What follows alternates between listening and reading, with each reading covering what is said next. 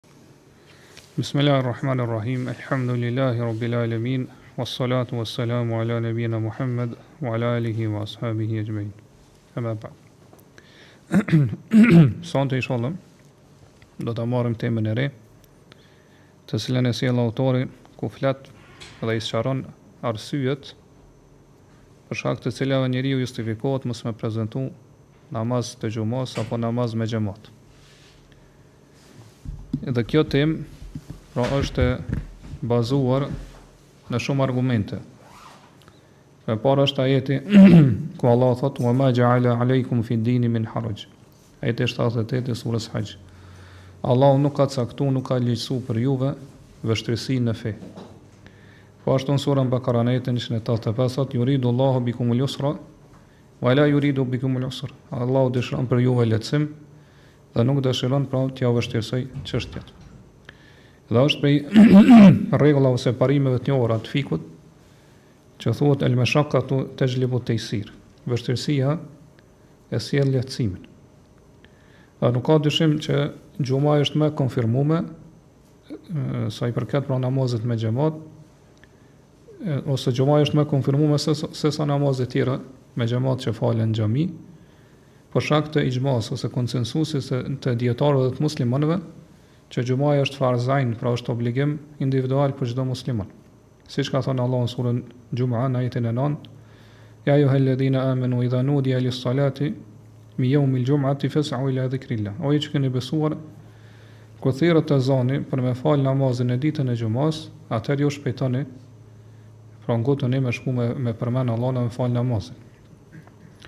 Ndërsa sa i përket namazit me xhamat, po namazet tjera që falen me xhamat, e kemi përmend më herët që ka mospajtim mes dijetarëve është obligim apo jo.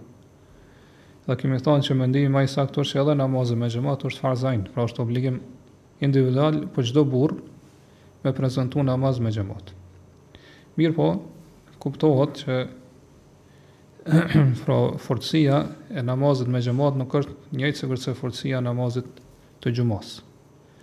Megjithatë këto dy namaze, pra si namazi me xhamat, si namazi i xhumasë, bien për shkak të disa arsyeve. Dhe këto arsye janë të kategorive ndryshme. Autori fillon me i përmend thotë: "Wa yu'dharu bi tarki jum'ati, jum'atin wa jama'atin marid." Po i pari prej këtyre personave që arsyetohet ose justifikohet mos me prezantu namaz të xhumasë dhe namaz me xhamat është i smuti. Ai që është i smutë. Dhe për qëllim është i smuti i cili, domethënë, ë ka vështirësi të mëdha për shkak të smundjes me prezantu namaz me xhamat. Argument për këtë është ajeti ku Allah subhanahu wa taala thotë fattakullaha mastata'tum. Keni frikë Allahun, sa të keni mundësi.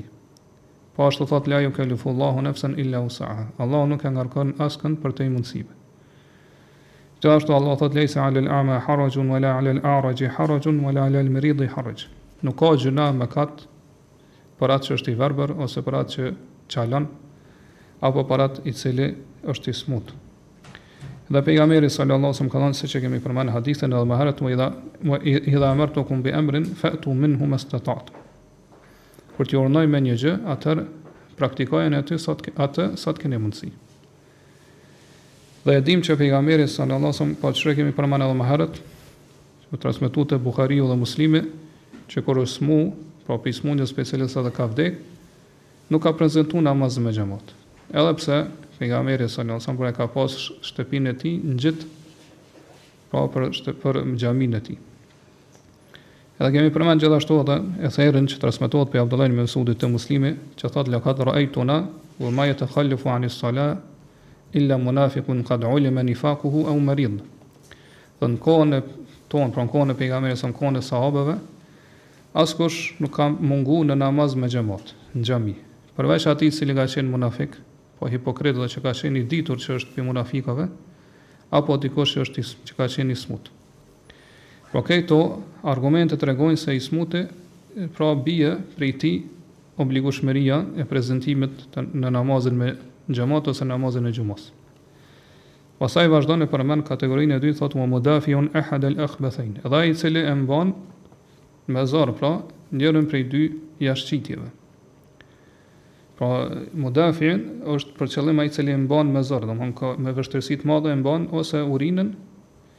ose pra jashtëqitjen e madhe.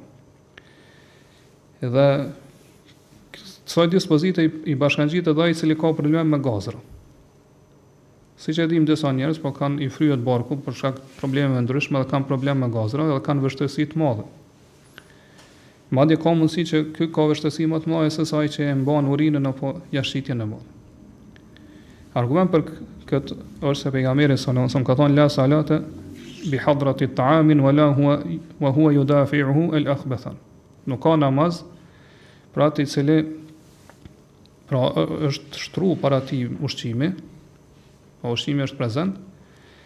Dhe as për atë i cili i mban dy njërin prej dy jashtëqitjeve. Pra e mban me me vështirësi. Mohimi këtu që ka ardhur në këtë hadith është për qëllim ndalesë. Pra është për qëllim mos mos u faleni, mos u falni në njërin prej këtyre dy gjendjeve. Kur ushqimi është prezant apo kur jeni duke e mbajtur njërin prej dy jashtëqitjeve. Dhe gjithashtu argument tjetër është se kjo gjendje Pra e preokupon zemrën e njeriut, e la, ose e huton, e largon zemrën e tij prej namazit. Dhe kjo pa dyshim që sjell defekt pastaj mangësi në vetë adhurimin, në vetë namazin. Ë, ndërsa braktisja e xhamatit, këtë rast ose lënia e xhamatit mos prezantimi namaz me xhamat është mungesë apo defekt në një çështje që është jashtë namazit. Për arsye se, siç kemi thënë më herët, xhamati është obligim për hir të është bërë obligim për namazin, për hir të namazit.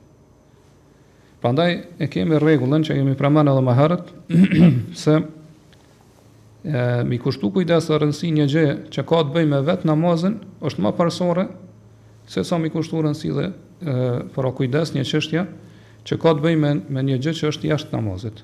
Pra që është ligjsuar, është bërë obligim për hir të namazit, jo që është brenda namazit. Prandaj pra, këtë rast mi kushtuar rëndësi dhe kujdes faljes së namazit me qetësi, edhe me, me zemër prezente namaz, pra me përulje, është ma parsore se sa me prezentu namaz me xhemat, apo në namazin e xhumas.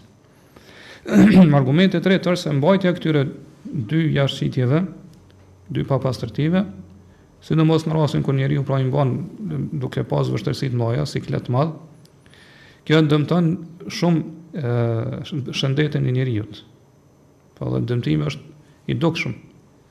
Ngase Allah subhanahu taala siç e dim, pra këtyre dy papastërtive ju ka bërë rrugë dalje, pra prej prej ka dalin në mënyrë që pra njeriu pastaj me mbet i qetë edhe i lehtësuar prej tyre.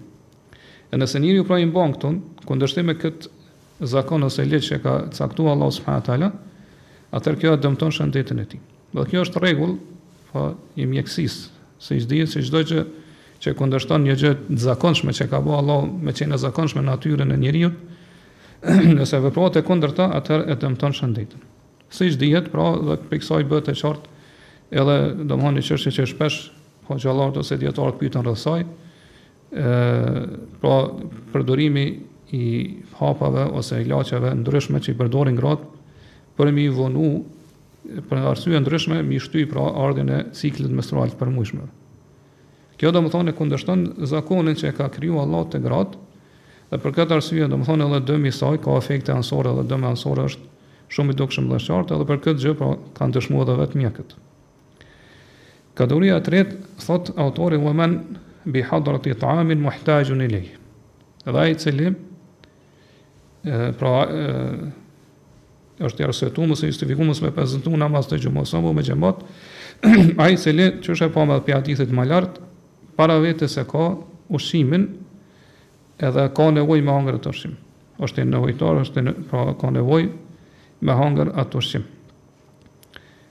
Këtu i shtohet edhe një kusht tjetër, që ai me pas mundësi me konsumu atë ushqim.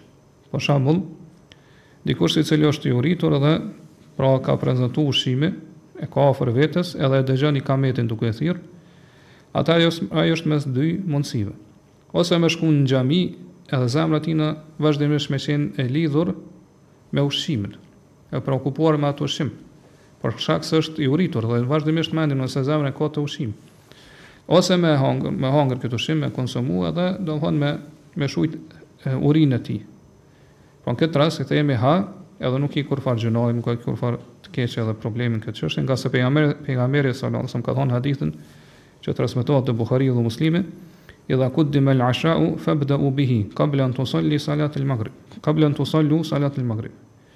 Nëse shtrohet përpara darka, atëherë filloni me të, para se me fal namazin e akshamit. Pra këtu pejgamberi sallallahu alejhi wasallam po na urdhëron që me fillu së pari me ushqimin.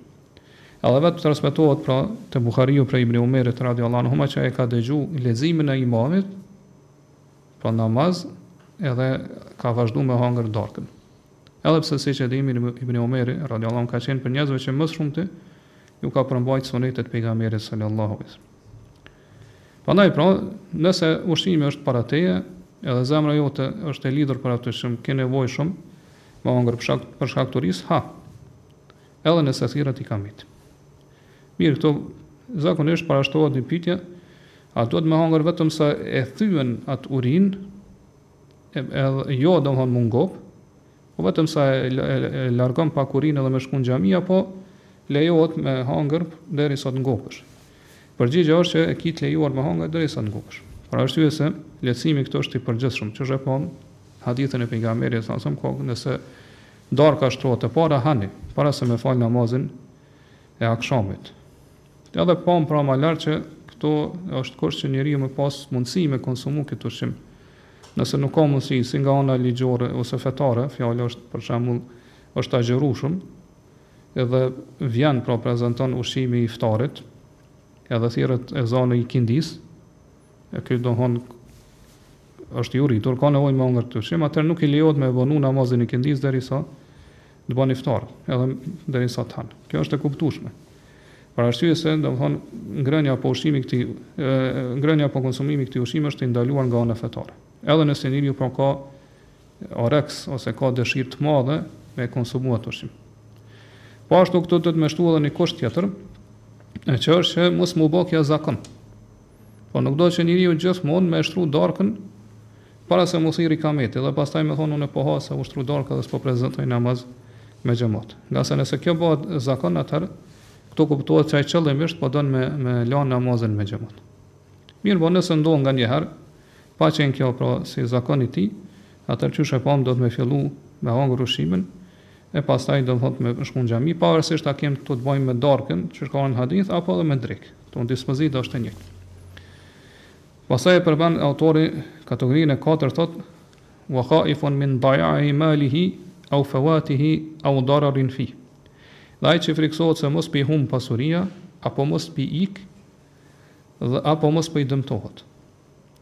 Për shembull, po ky edhe kjo justifikohet që mos me prezantu namaz me xhamat edhe namaz të xhumas.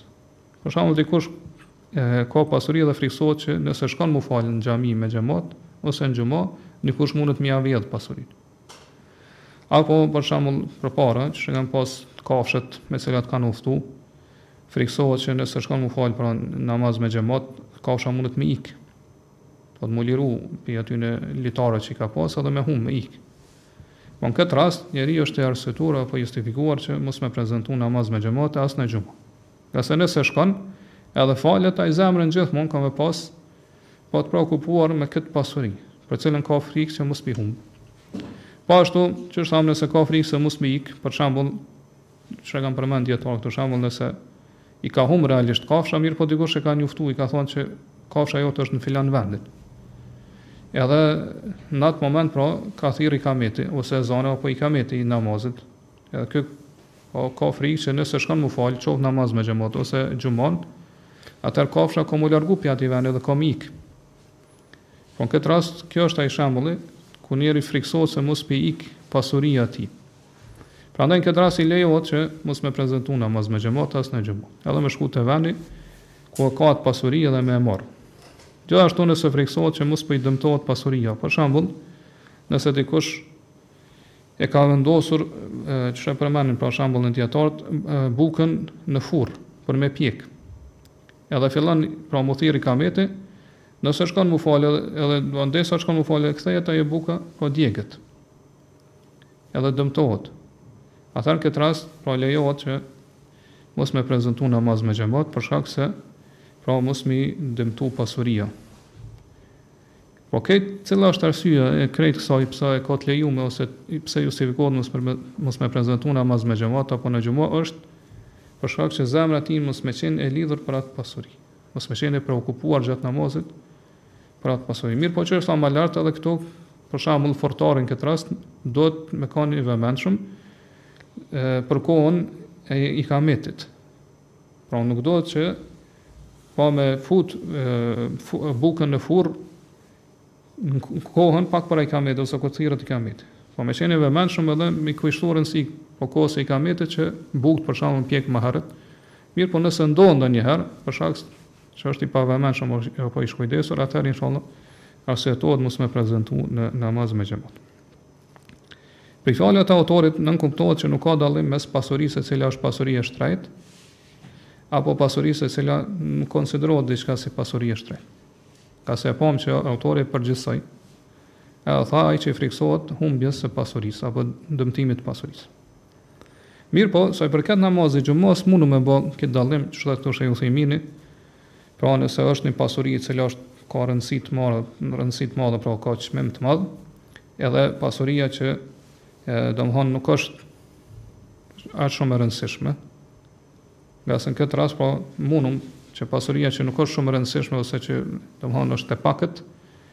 Do thotë me sakrifiku një farë mënyre për me prezantu namaz me namazin e xhumës, për arsye se namazi i xhumës nëse humb, po nuk e fal me xhamat, atë nuk mundet mu përsërit.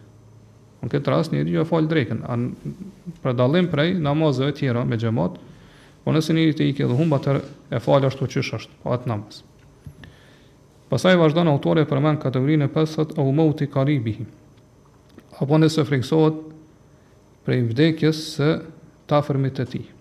Pra edhe ky justifikohet mos me prezentu namaz me xhemat ose në xhuma.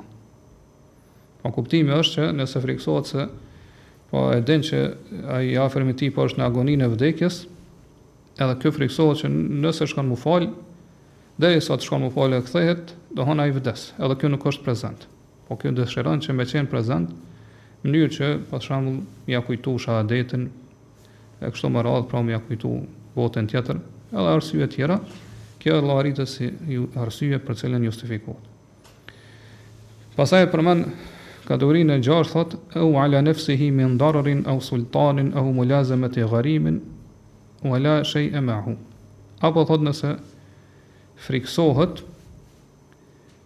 për veten e tij se mos me i ndodh ndonjë dëm, apo frikësohet prej udhëheqësit, apo frikësohet që borxhdhënësi po nuk i ndahet edhe vazhdimisht pra i rrin gati që na me shpiku pra me poshtë që e lyp borxhin e ky nuk ka pra me ia kthy borxhin Pra këto po thotë autori që nëse njeriu friksohet për veten e tij për ato gjëra që u përmendën më lart, po domthon friksohet që këto gjëra po i ndodhin këtij, ky vetë dëmtohet. Për shembull, nëse ka afër tij një qen i cili është qen i cili kafshon ose i sulmon njerëzit. Edhe ky frikësohet që nëse dal ai qeni ka me sulmu edhe ka me kafshu ka me dëmtu. Atëherë në këtë rast nuk ka të keqe, pra nuk ka gjynah që fal në shtëpinë e tij. Ose nëse supozohet që gjatë rrugës së tij për në xhami, pra ka gjëra nëpër tokë që munden me dëmtu, edhe ky s'ka këpuca, për shembull, si supozim kjo, pra ka gjemba, therra kështu me radhë ose ka pra copa të xhamit,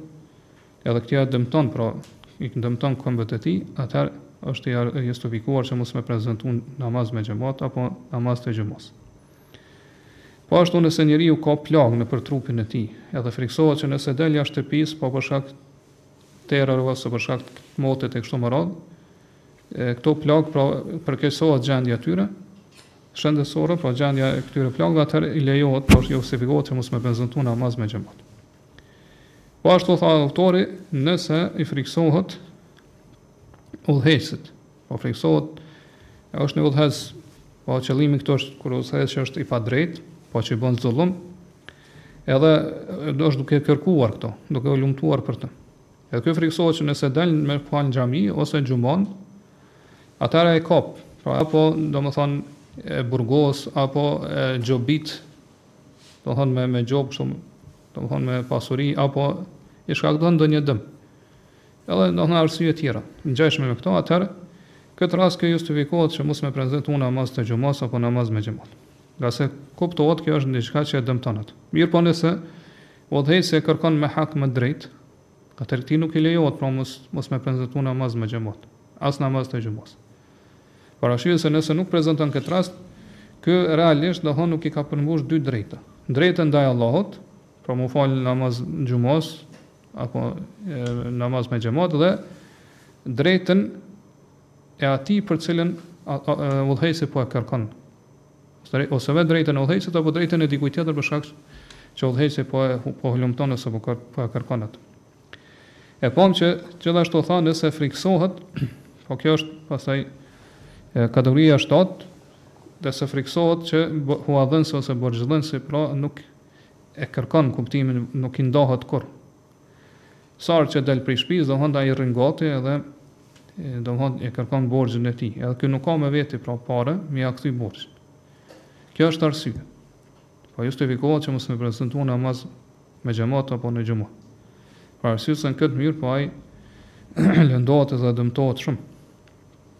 Mirëpo kuptohet nëse ka diçka prej pasurisë, prej pareve, që ka mundësi me kthy borxhin, atëherë ka hak, pra ka obligim që me kthy borxhin, edhe nuk ka drejt që mos me prezentu namaz me xhamat, apo namaz të xhumas.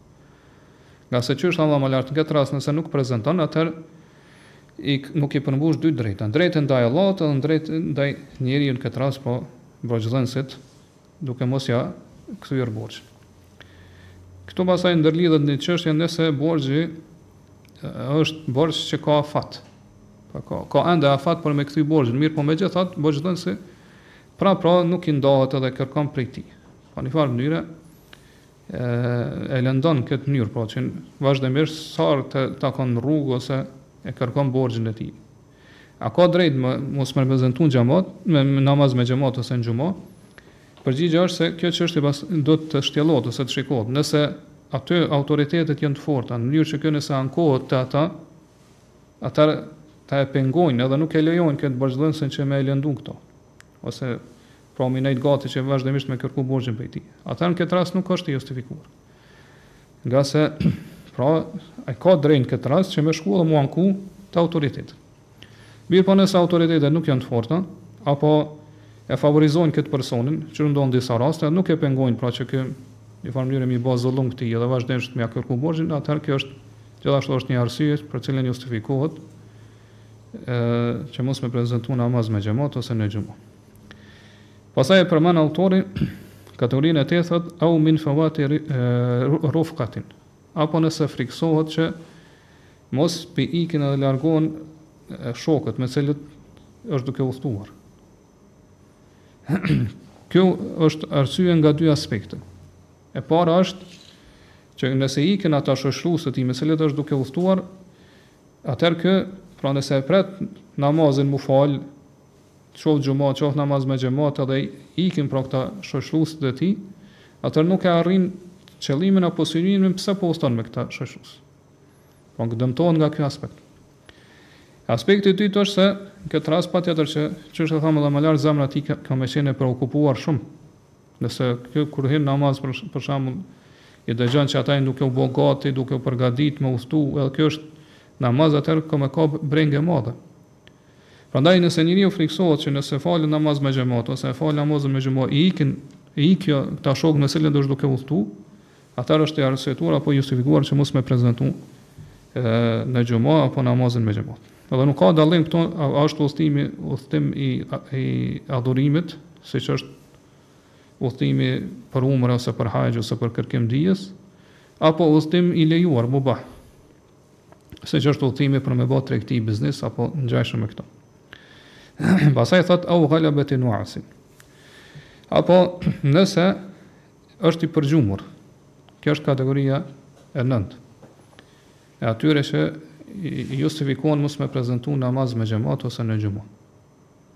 Pra ai që është shumë i përgjumur, ka ardhur në hadith pejgamberi s.a.v.s. që ka thot s'pari me flajt, pastaj mu fal. Për shembull, nëse dikush është i lodhur shumë për shkak të punës ose për shkak të udhëtimit, edhe kaplon kotja, dremitja, përgjumja. Atëherë është mes dy mundësive, ose me shku mu fal namazin me xhamat apo në xhuma, duke qenë pra kështu i përgjumur dhe nuk e din çfarë po thotë atë. Siç ka n'hadith ka mundësi që Në vend se me kërku falje prej Allahut, prej Allahut kërkon, domethënë lutet kundër vetes. Apo mundësia e dytë është me flejtë. Derisa t'i kalon pra kjo përgjumja, pastaj mu falë pra i qetë. Atër, pra në bazë të hadithit që përmendëm, duhet me zgjedhë këtë mundësinë e dytë. Ngase ky është i justifikuar, mos me prezentu n'këtë rast namaz me xhemat apo në xhuma. Pastaj e përmend autori kategorinë e dhjetë, thotë, Au edhen bi matarin au wahalin. Apo nëse dëmtohet për shkak të shiut apo baltës. Pra, nëse ka bie shi shumë, edhe ky dal me shku me fal namazin e xhumos apo namazin me xhamat, dëmtohet, pra nuk ndihet mirë, ndihet keq. Edhe, pra, lëndohet në një farë mënyre prej këtij shiu, atëherë është e justifikuar. Kur llogaritet që njeriu dëmtohet prej shiut, atëherë kur shiu po i lag të gjitha rrobat e tij, apo kur moti është i ftohtë, e kështu me radhë. Po ashtu, domethënë, nëse njeriu frikësohet se mos po dëmtohet prej baltës, kjo ndoshta më shumë ka qenë në të kaluarën, kur rrugët nuk kanë qenë të shtruara me asfalt. Po kur ka ra shi, siç dihet, pra rrugët pasi kanë qenë prej dheut, pra nuk kanë qenë shtruar me asfalt, pra aty u ba krejt baltë. Edhe njerëzit po kanë pas problem me ecë për shkak se ka pas vështirësi vështirësi të mëdha me ecë nëpër baltë edhe domthon e ka rrshit. Po përveç baltës edhe ka kanë rrshit këmbët e tyre. Edhe kështu u lodh njeriu, derisa ka shkuar në xhami m'u fal, po ka ka ka është ka përjetuar lodhje të mëdha. Prandaj nëse ndodh kjo atëherë është i justifikun. Mirëpo në kohën e sotshme, sa i përket baltës ose rrshitjes, rrsh, domethënë kjo nuk ekziston siç e dimë për shkak se rrugët pra shumica janë të shtruara me asfalt, edhe nuk ka baltë në to. Ma së shumti që mundet me ndodhë me qenë disa vende ku ka gropa edhe m'u, m'u mbledhë shiu aty. Mirëpo, domethënë njeriu nuk dëmtohet prej kësaj, as vetë, as rrobat e tij, as shputat apo këmbët e tij. Mundet, po siç thamë, kjo me ndodhë ende në disa katune, për shembull të largëta, ku s'ka rrugë të shtrume, po me pas kësi probleme. Atëherë, nëse ka kësi raste, ose kësi katune, kësi vendbanime, është justifikim ose arsye mos me prezantu namaz me xhamat, ngase pejgamberi sallallahu alajhi wasallam e ka urdhnu muezinin e tij që kur ka qenë po siç ka te Buhariu Edhe te Muslimi hadithi që kur ka qenë nata e ftohët ose me shi, ka thënë me e thirr n'ezan Ela sallu fi rrihal. Faluni nëpër shtëpi, mos hajdeni në xhami m'u fal. Prandaj ë prej fjalës së autorit kur thotë se dëmtohet prej shiut, nënkuptohet se nëse njeriu nuk dëmtohet prej shiut, për shembull shi i lehtë, Atëherë nuk ka arsye mos me prezantu namaz me xhamat. E ka obligim me prezantu namaz me xhamat ose në xhuma, e nëse ka një lloj vështirësie të lehtë, atëherë inshallah shpërblehet për këtë te Allahu. Pastaj autori përmend pra kategorinë e 19, thotë au bi rihin baridatin shadidatin fi lejletin mudhlime. Apo nëse njeriu dëmtohet me, me një erë të ftohët, Që është e ftohtë dhe e fortë, erë e fortë dhe e ftohtë, në një natë të errët. Pra edhe kjo justifikohet mos me prezentu namaz me xhemat apo në xhemat. Pra, e njëmbëdhjeta qenka era, mirëpo autori po përmend disa kushte për erën, pra e para po thotë me qenë e ftohtë. Ngase era e nxehtë, siç e dimë, pra, ose e ngrohtë që është, nuk, është, nuk, nuk dëmtohet njeriu, nuk ka vështirësi po, me ecë nëpër këtë erë. Dhe kushti i dytë po thotë me qenë e fortë. Ngase erërat që janë të lehta, nuk ka vështirësi në to edhe nëse janë të ftohta, nuk dëmtohet njeriu, nuk lëndohet prej saj edhe nëse janë të ftohta. Mirëpo nëse era është e ftohtë edhe e fortë, atëherë kjo është arsye justifikim i mjaftueshëm, pa kurrfarë dyshimi që mos me prezantu namaz me xhamat, ngase kjo shkakton dhimbje më shumë sesa që shkakton shiu. Ndërsa për këtë kushtin e tretë që po e përmend autori që me qenë natë e errët, realisht ky kusht nuk ka argument për të. Ngase hadithi që kanë argumentuar me të, pra që e përmendëm më lart hadithin e Umerit, që kur ka qenë nata e ftohtë ose me shi, pejgamberi ka thonë falnu në ose ka urdhëruar muezinin me thonë falnu në shtëpi. Këtu nuk u përmend që me qenë nata e errët.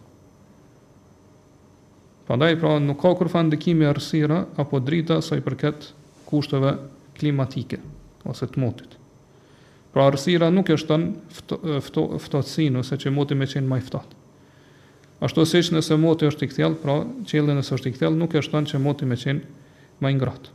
Kjo pra, po kuptohet gjatë natës. Prandaj e saktë është që nëse era është e ftohtë edhe e fortë, i shkakton vështirësi njerëzve, edhe kjo është pra arsye e mjaftueshme që mos me prezantu namaz me xhamat. Edhe kjo është më lart, kjo është më parësore me qenë një arsye sesa dëmtimi prej shiut.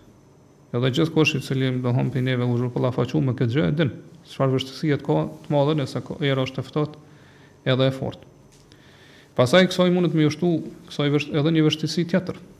Kësaj vështirësie mund të me iu shtu edhe një tjetër e që është se zakonisht kur është ftohtë, domethënë njeriu ka vështirësi për arsye se ka nevojë me urinu më shumë. Edhe kjo domethënë e lodh atë edhe më shumë. Nëse merr abdes për shembull, i shkakton kjo vështirësi. Kjo ftohtësi e madhe domethënë i shkakton vështirësi shtesë.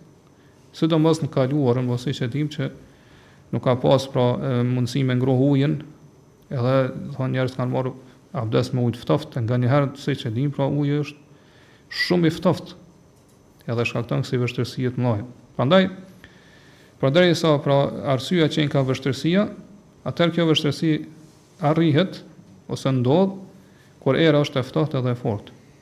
Ndërsa kur era është e lehtë apo e zakonshme, pra edhe e ngrohtë, atëherë nuk ka kurrfarë vështirësie. Prandaj këtu kur tha autori pra në, në një natë të errët, e kuptojmë që ky kusht pra nuk vlen te namazi i xhumës. Edhe kjo e përkrah edhe më shumë atë që e thamë më lart që ky kusht nuk merret për bazë ose nuk merret parasysh, dhe Allahu e di më së miri. Mirë, këtu pasaj hyn në çështje tjetër. A arsyetohet njeriu mos me prezantu në, në namaz me xhamat nëse e, imami e zgjat shumë leximin e Kuranit?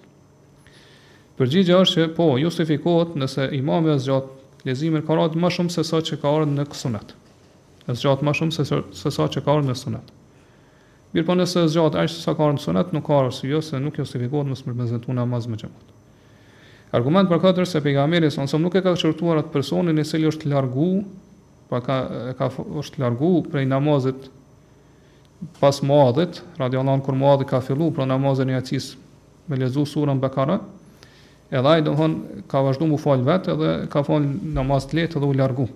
Ja sa nuk e ka qortu për këtë veprim. Përkundrazi e ka qortu Muadhin pse e ka zgjat namazin e jacisë shumë. Andaj nëse nuk ka xhami tjetër ku ti mundesh mu fal, domethënë që imami nuk e zgjat më shumë se që është suneti, atëherë bie obligueshmëria e prezantimit në namaz me xhamat në këtë xhami. Çështje tjetër që është e kundërta e kësaj. A justifikohet njeriu ose arsyetohet nëse nëse imami falet shpejt? Përgjigja është se kjo është arsye ose justifikim, po justifikohet për këtë më më shumë ose më parësore, me u justifiku për këtë se sa kur imami e zgjat. Prandaj, nëse imami i xhamisë, pra e shpejton e fal shpejt namazin, aq shumë sa që njeriu nuk mundet me kry obligimet e namazit, atëherë është i justifikuar i arsyetum mos me prezantu në namaz me xhamat. Mirëpo, nëse ka një xhami tjetër ku ai mundet me shku mu fal, atë ku falet namazi me xhamat, atëherë ka obligim pra mu fal në atë xhamin tjetër. Me dal pra mu fal me xhamat në xhamin tjetër. Çështja që ndërlidhet gjithashtu me këto është nëse imami është fasik. Po fasik, kemi përmendur edhe më herët nëse rrun mjekrën ose pin për shembull duhan ose e lejon rrobën me ra nën nyjën e kamës, a është kjo arsye ose justifikim mos me prezentu në namaz me xhemat? Përgjigja është që nëse dikush e ka mendimin e medhhebit, që kemi marrë më herët, të cilët mendojnë se nuk, namazi nuk është i saktë nëse falesh mas fasikut, Atëherë kjo është arsye e mjaftueshme që të justifikon mos me prezantu namaz me xhamat. Mirëpo nëse themi mendimin tjetër që është më i saktë në këtë meselë, që namazi pas fasikut është i saktë, edhe pranohet, atëherë nuk është arsye. Jo nuk është pra arsye që mos me prezantu namaz me xhamat. Për arsye se namazi mbas ti personi është i saktë, kështu që ti ke je i urdhëruar që me prezantu namaz me xhamat. Nëse njëri është kriminal, ka bërë një krim, edhe friksohet që nëse del namaz me xhamat ose në xhumë, e arrestojnë policia. Është kjo arsye? E pamë lart që kjo nuk është arsye, për arsye se ai ka, domthonë, ka bërë një ka shkel një drejtë të dikujt. Edhe duhet domethonë me kthy hakun drejtën e tjetrit. Mirëpo, siç thamë, nëse është, nëse i u ka bë zullum personit padrejtësisht, atëherë e pamë lart që është arsye. Tjetër meselë është nëse gjatë rrugës për në xhami ka mëkate. Qysh është për shembull si në vendin ton, pra që gratë janë të zhveshura apo duken pije të alkooli haptazi apo duhani e kështu me radhë, është kjo arsye mos me prezentu, kjo nuk është arsye. Po duhet me dal në xhami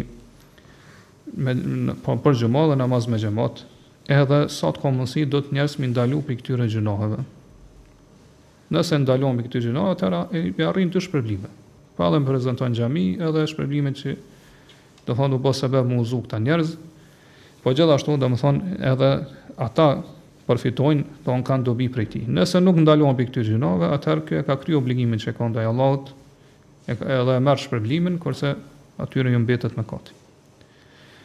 Pastaj çështje tjetër që ndërlidhet me këtë është nëse këto arsye ndodhin gjatë namazit.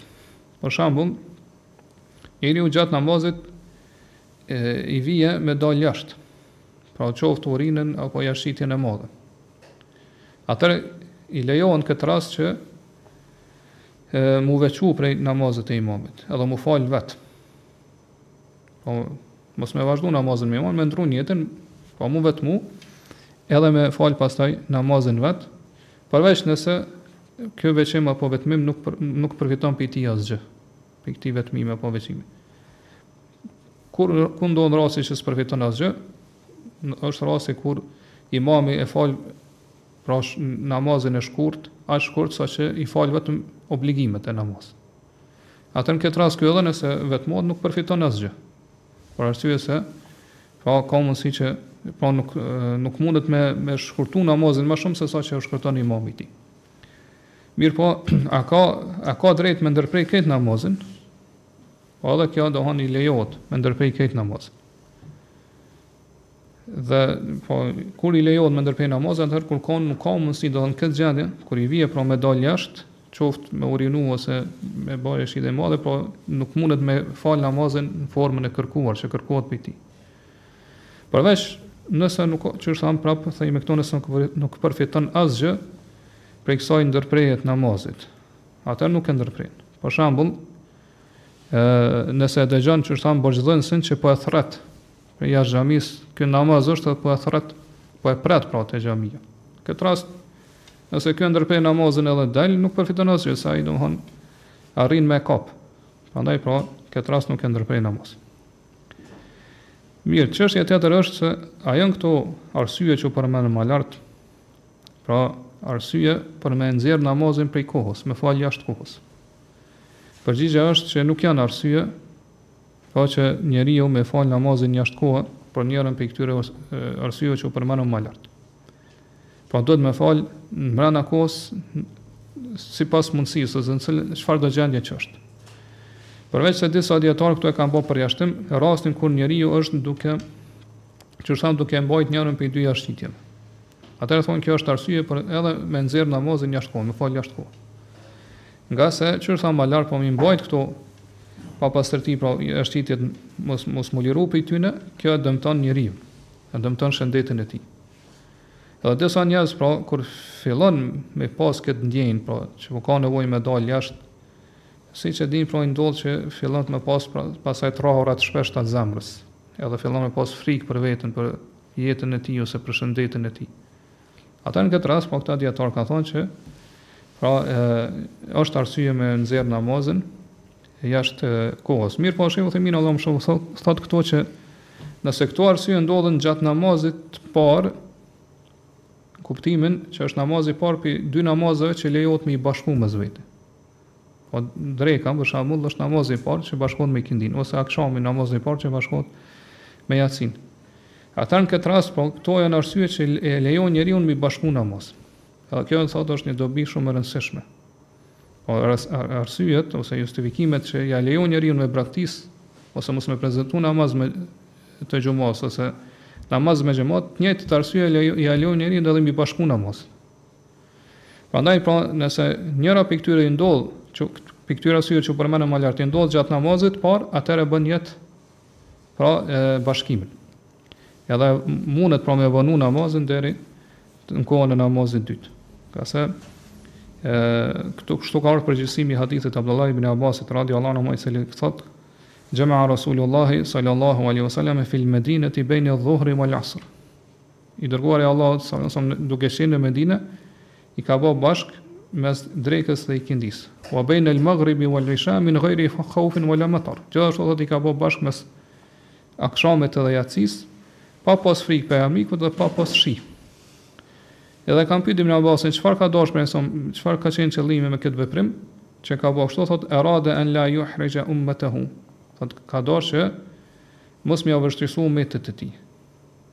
Pra që në disa raste lejohet me bë bashk me bashku namazet kur ka vështirësi.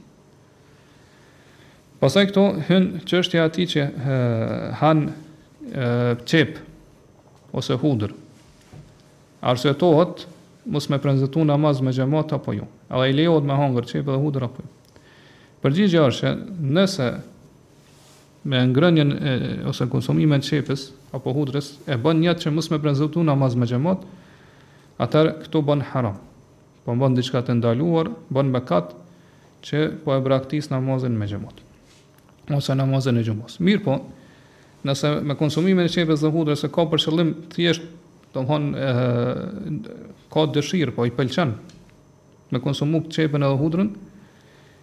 atëherë nuk nuk nuk është haram, nuk është e ndaluar.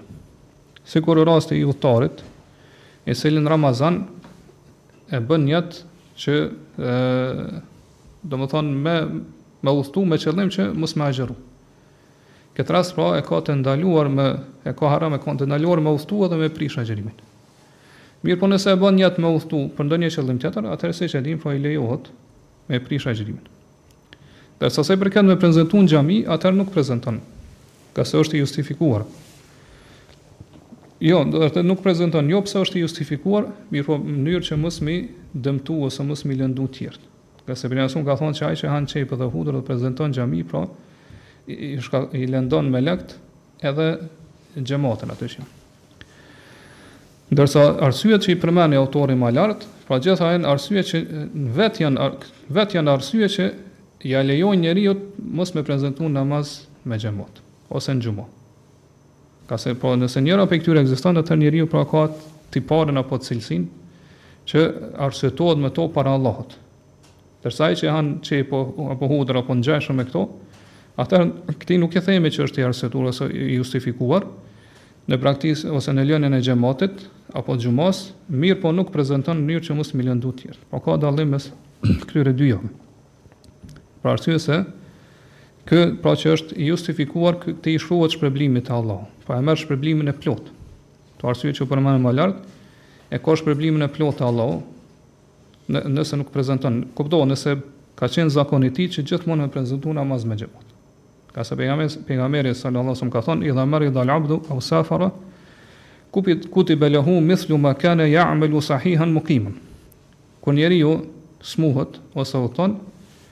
Atëherë atij i shkruhet shpërblimi i plotë sikur që i ka kry veprat adhurimet kur ka qenë i shëndoshë apo në vendin e tij. Ndërsa ai që han qepë ose hudhër, atëherë këtij nuk i shkruhet pra shpërblimi i xhematit. Ngase qysh thamë pra ai nuk prezanton për shkak që mos m'i lëndu të tjerët. Edhe tha, pra thamë që pejgamberi sallallahu alajhi wasallam ka thonë inna al malaikata tataadha mimma yataadha minhu banu adam.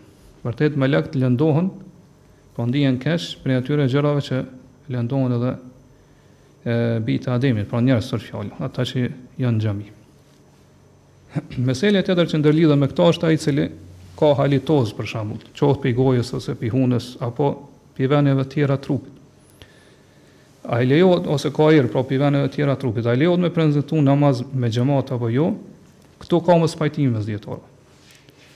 Pra krahasohet ose bëhet analogji me ata që kanë hangër qepë dhe hudër, pra ka mospajtim mes dijetarëve, disa thonë që nuk krahasohet për arsye se ky nuk e ka bërë këto me zgjedhjen e tij, po është sprovë me cilën e ka sprovu Allahu. Kurse disa tjerë, qysh e thot edhe Shejh Uthejmini këtu thotë që po do të krahasohet ose bëhet analogji. Pra ai nuk prezanton në mënyrë që mos me i lëndu të tjerët. Mirëpo thotë që Ky nuk është njëjtë sikur ai që ka hangër pra qepë ose hudhër, për arsye se domthon ai që i han qepë ose hudhër, ky ka vepruar diçka me zgjedhjen e tij, për mi lëndu njerëz. Kurse qysh tham kjo është pa zgjedhjen e tij. Prandaj këtij personi pra thotë Shejh Uthejmini që i shkruhet shpërblimi i plotë, sikur me prezantu namaz me xhemat.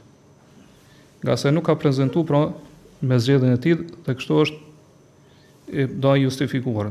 Edhe pse thotë disa dietarë kanë thënë që nuk i shkruhet as shpërblimi i xhematit, mirëpo nuk bën mëkat nëse nuk prezanton. Edhe thotë është njëjtë sikurse gruaja me të përmujshme të saj që nuk fal namaz me urdhrin e Allahut. Mirëpo megjithatë, pra nuk i shkruhet shpërblimi i namazit. Ngase pejgamberi sallallahu alajhi wasallam ka thënë që gruaja kur nuk e fal namazin gjatë të përmujshme të saj, Kjo është mangësi në fenë e saj, pra nuk ka shpërblim.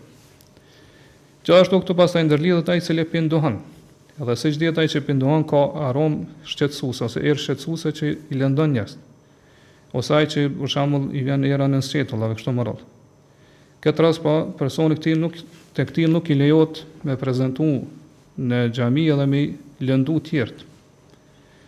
Pra, mu ba monije këshnamaz.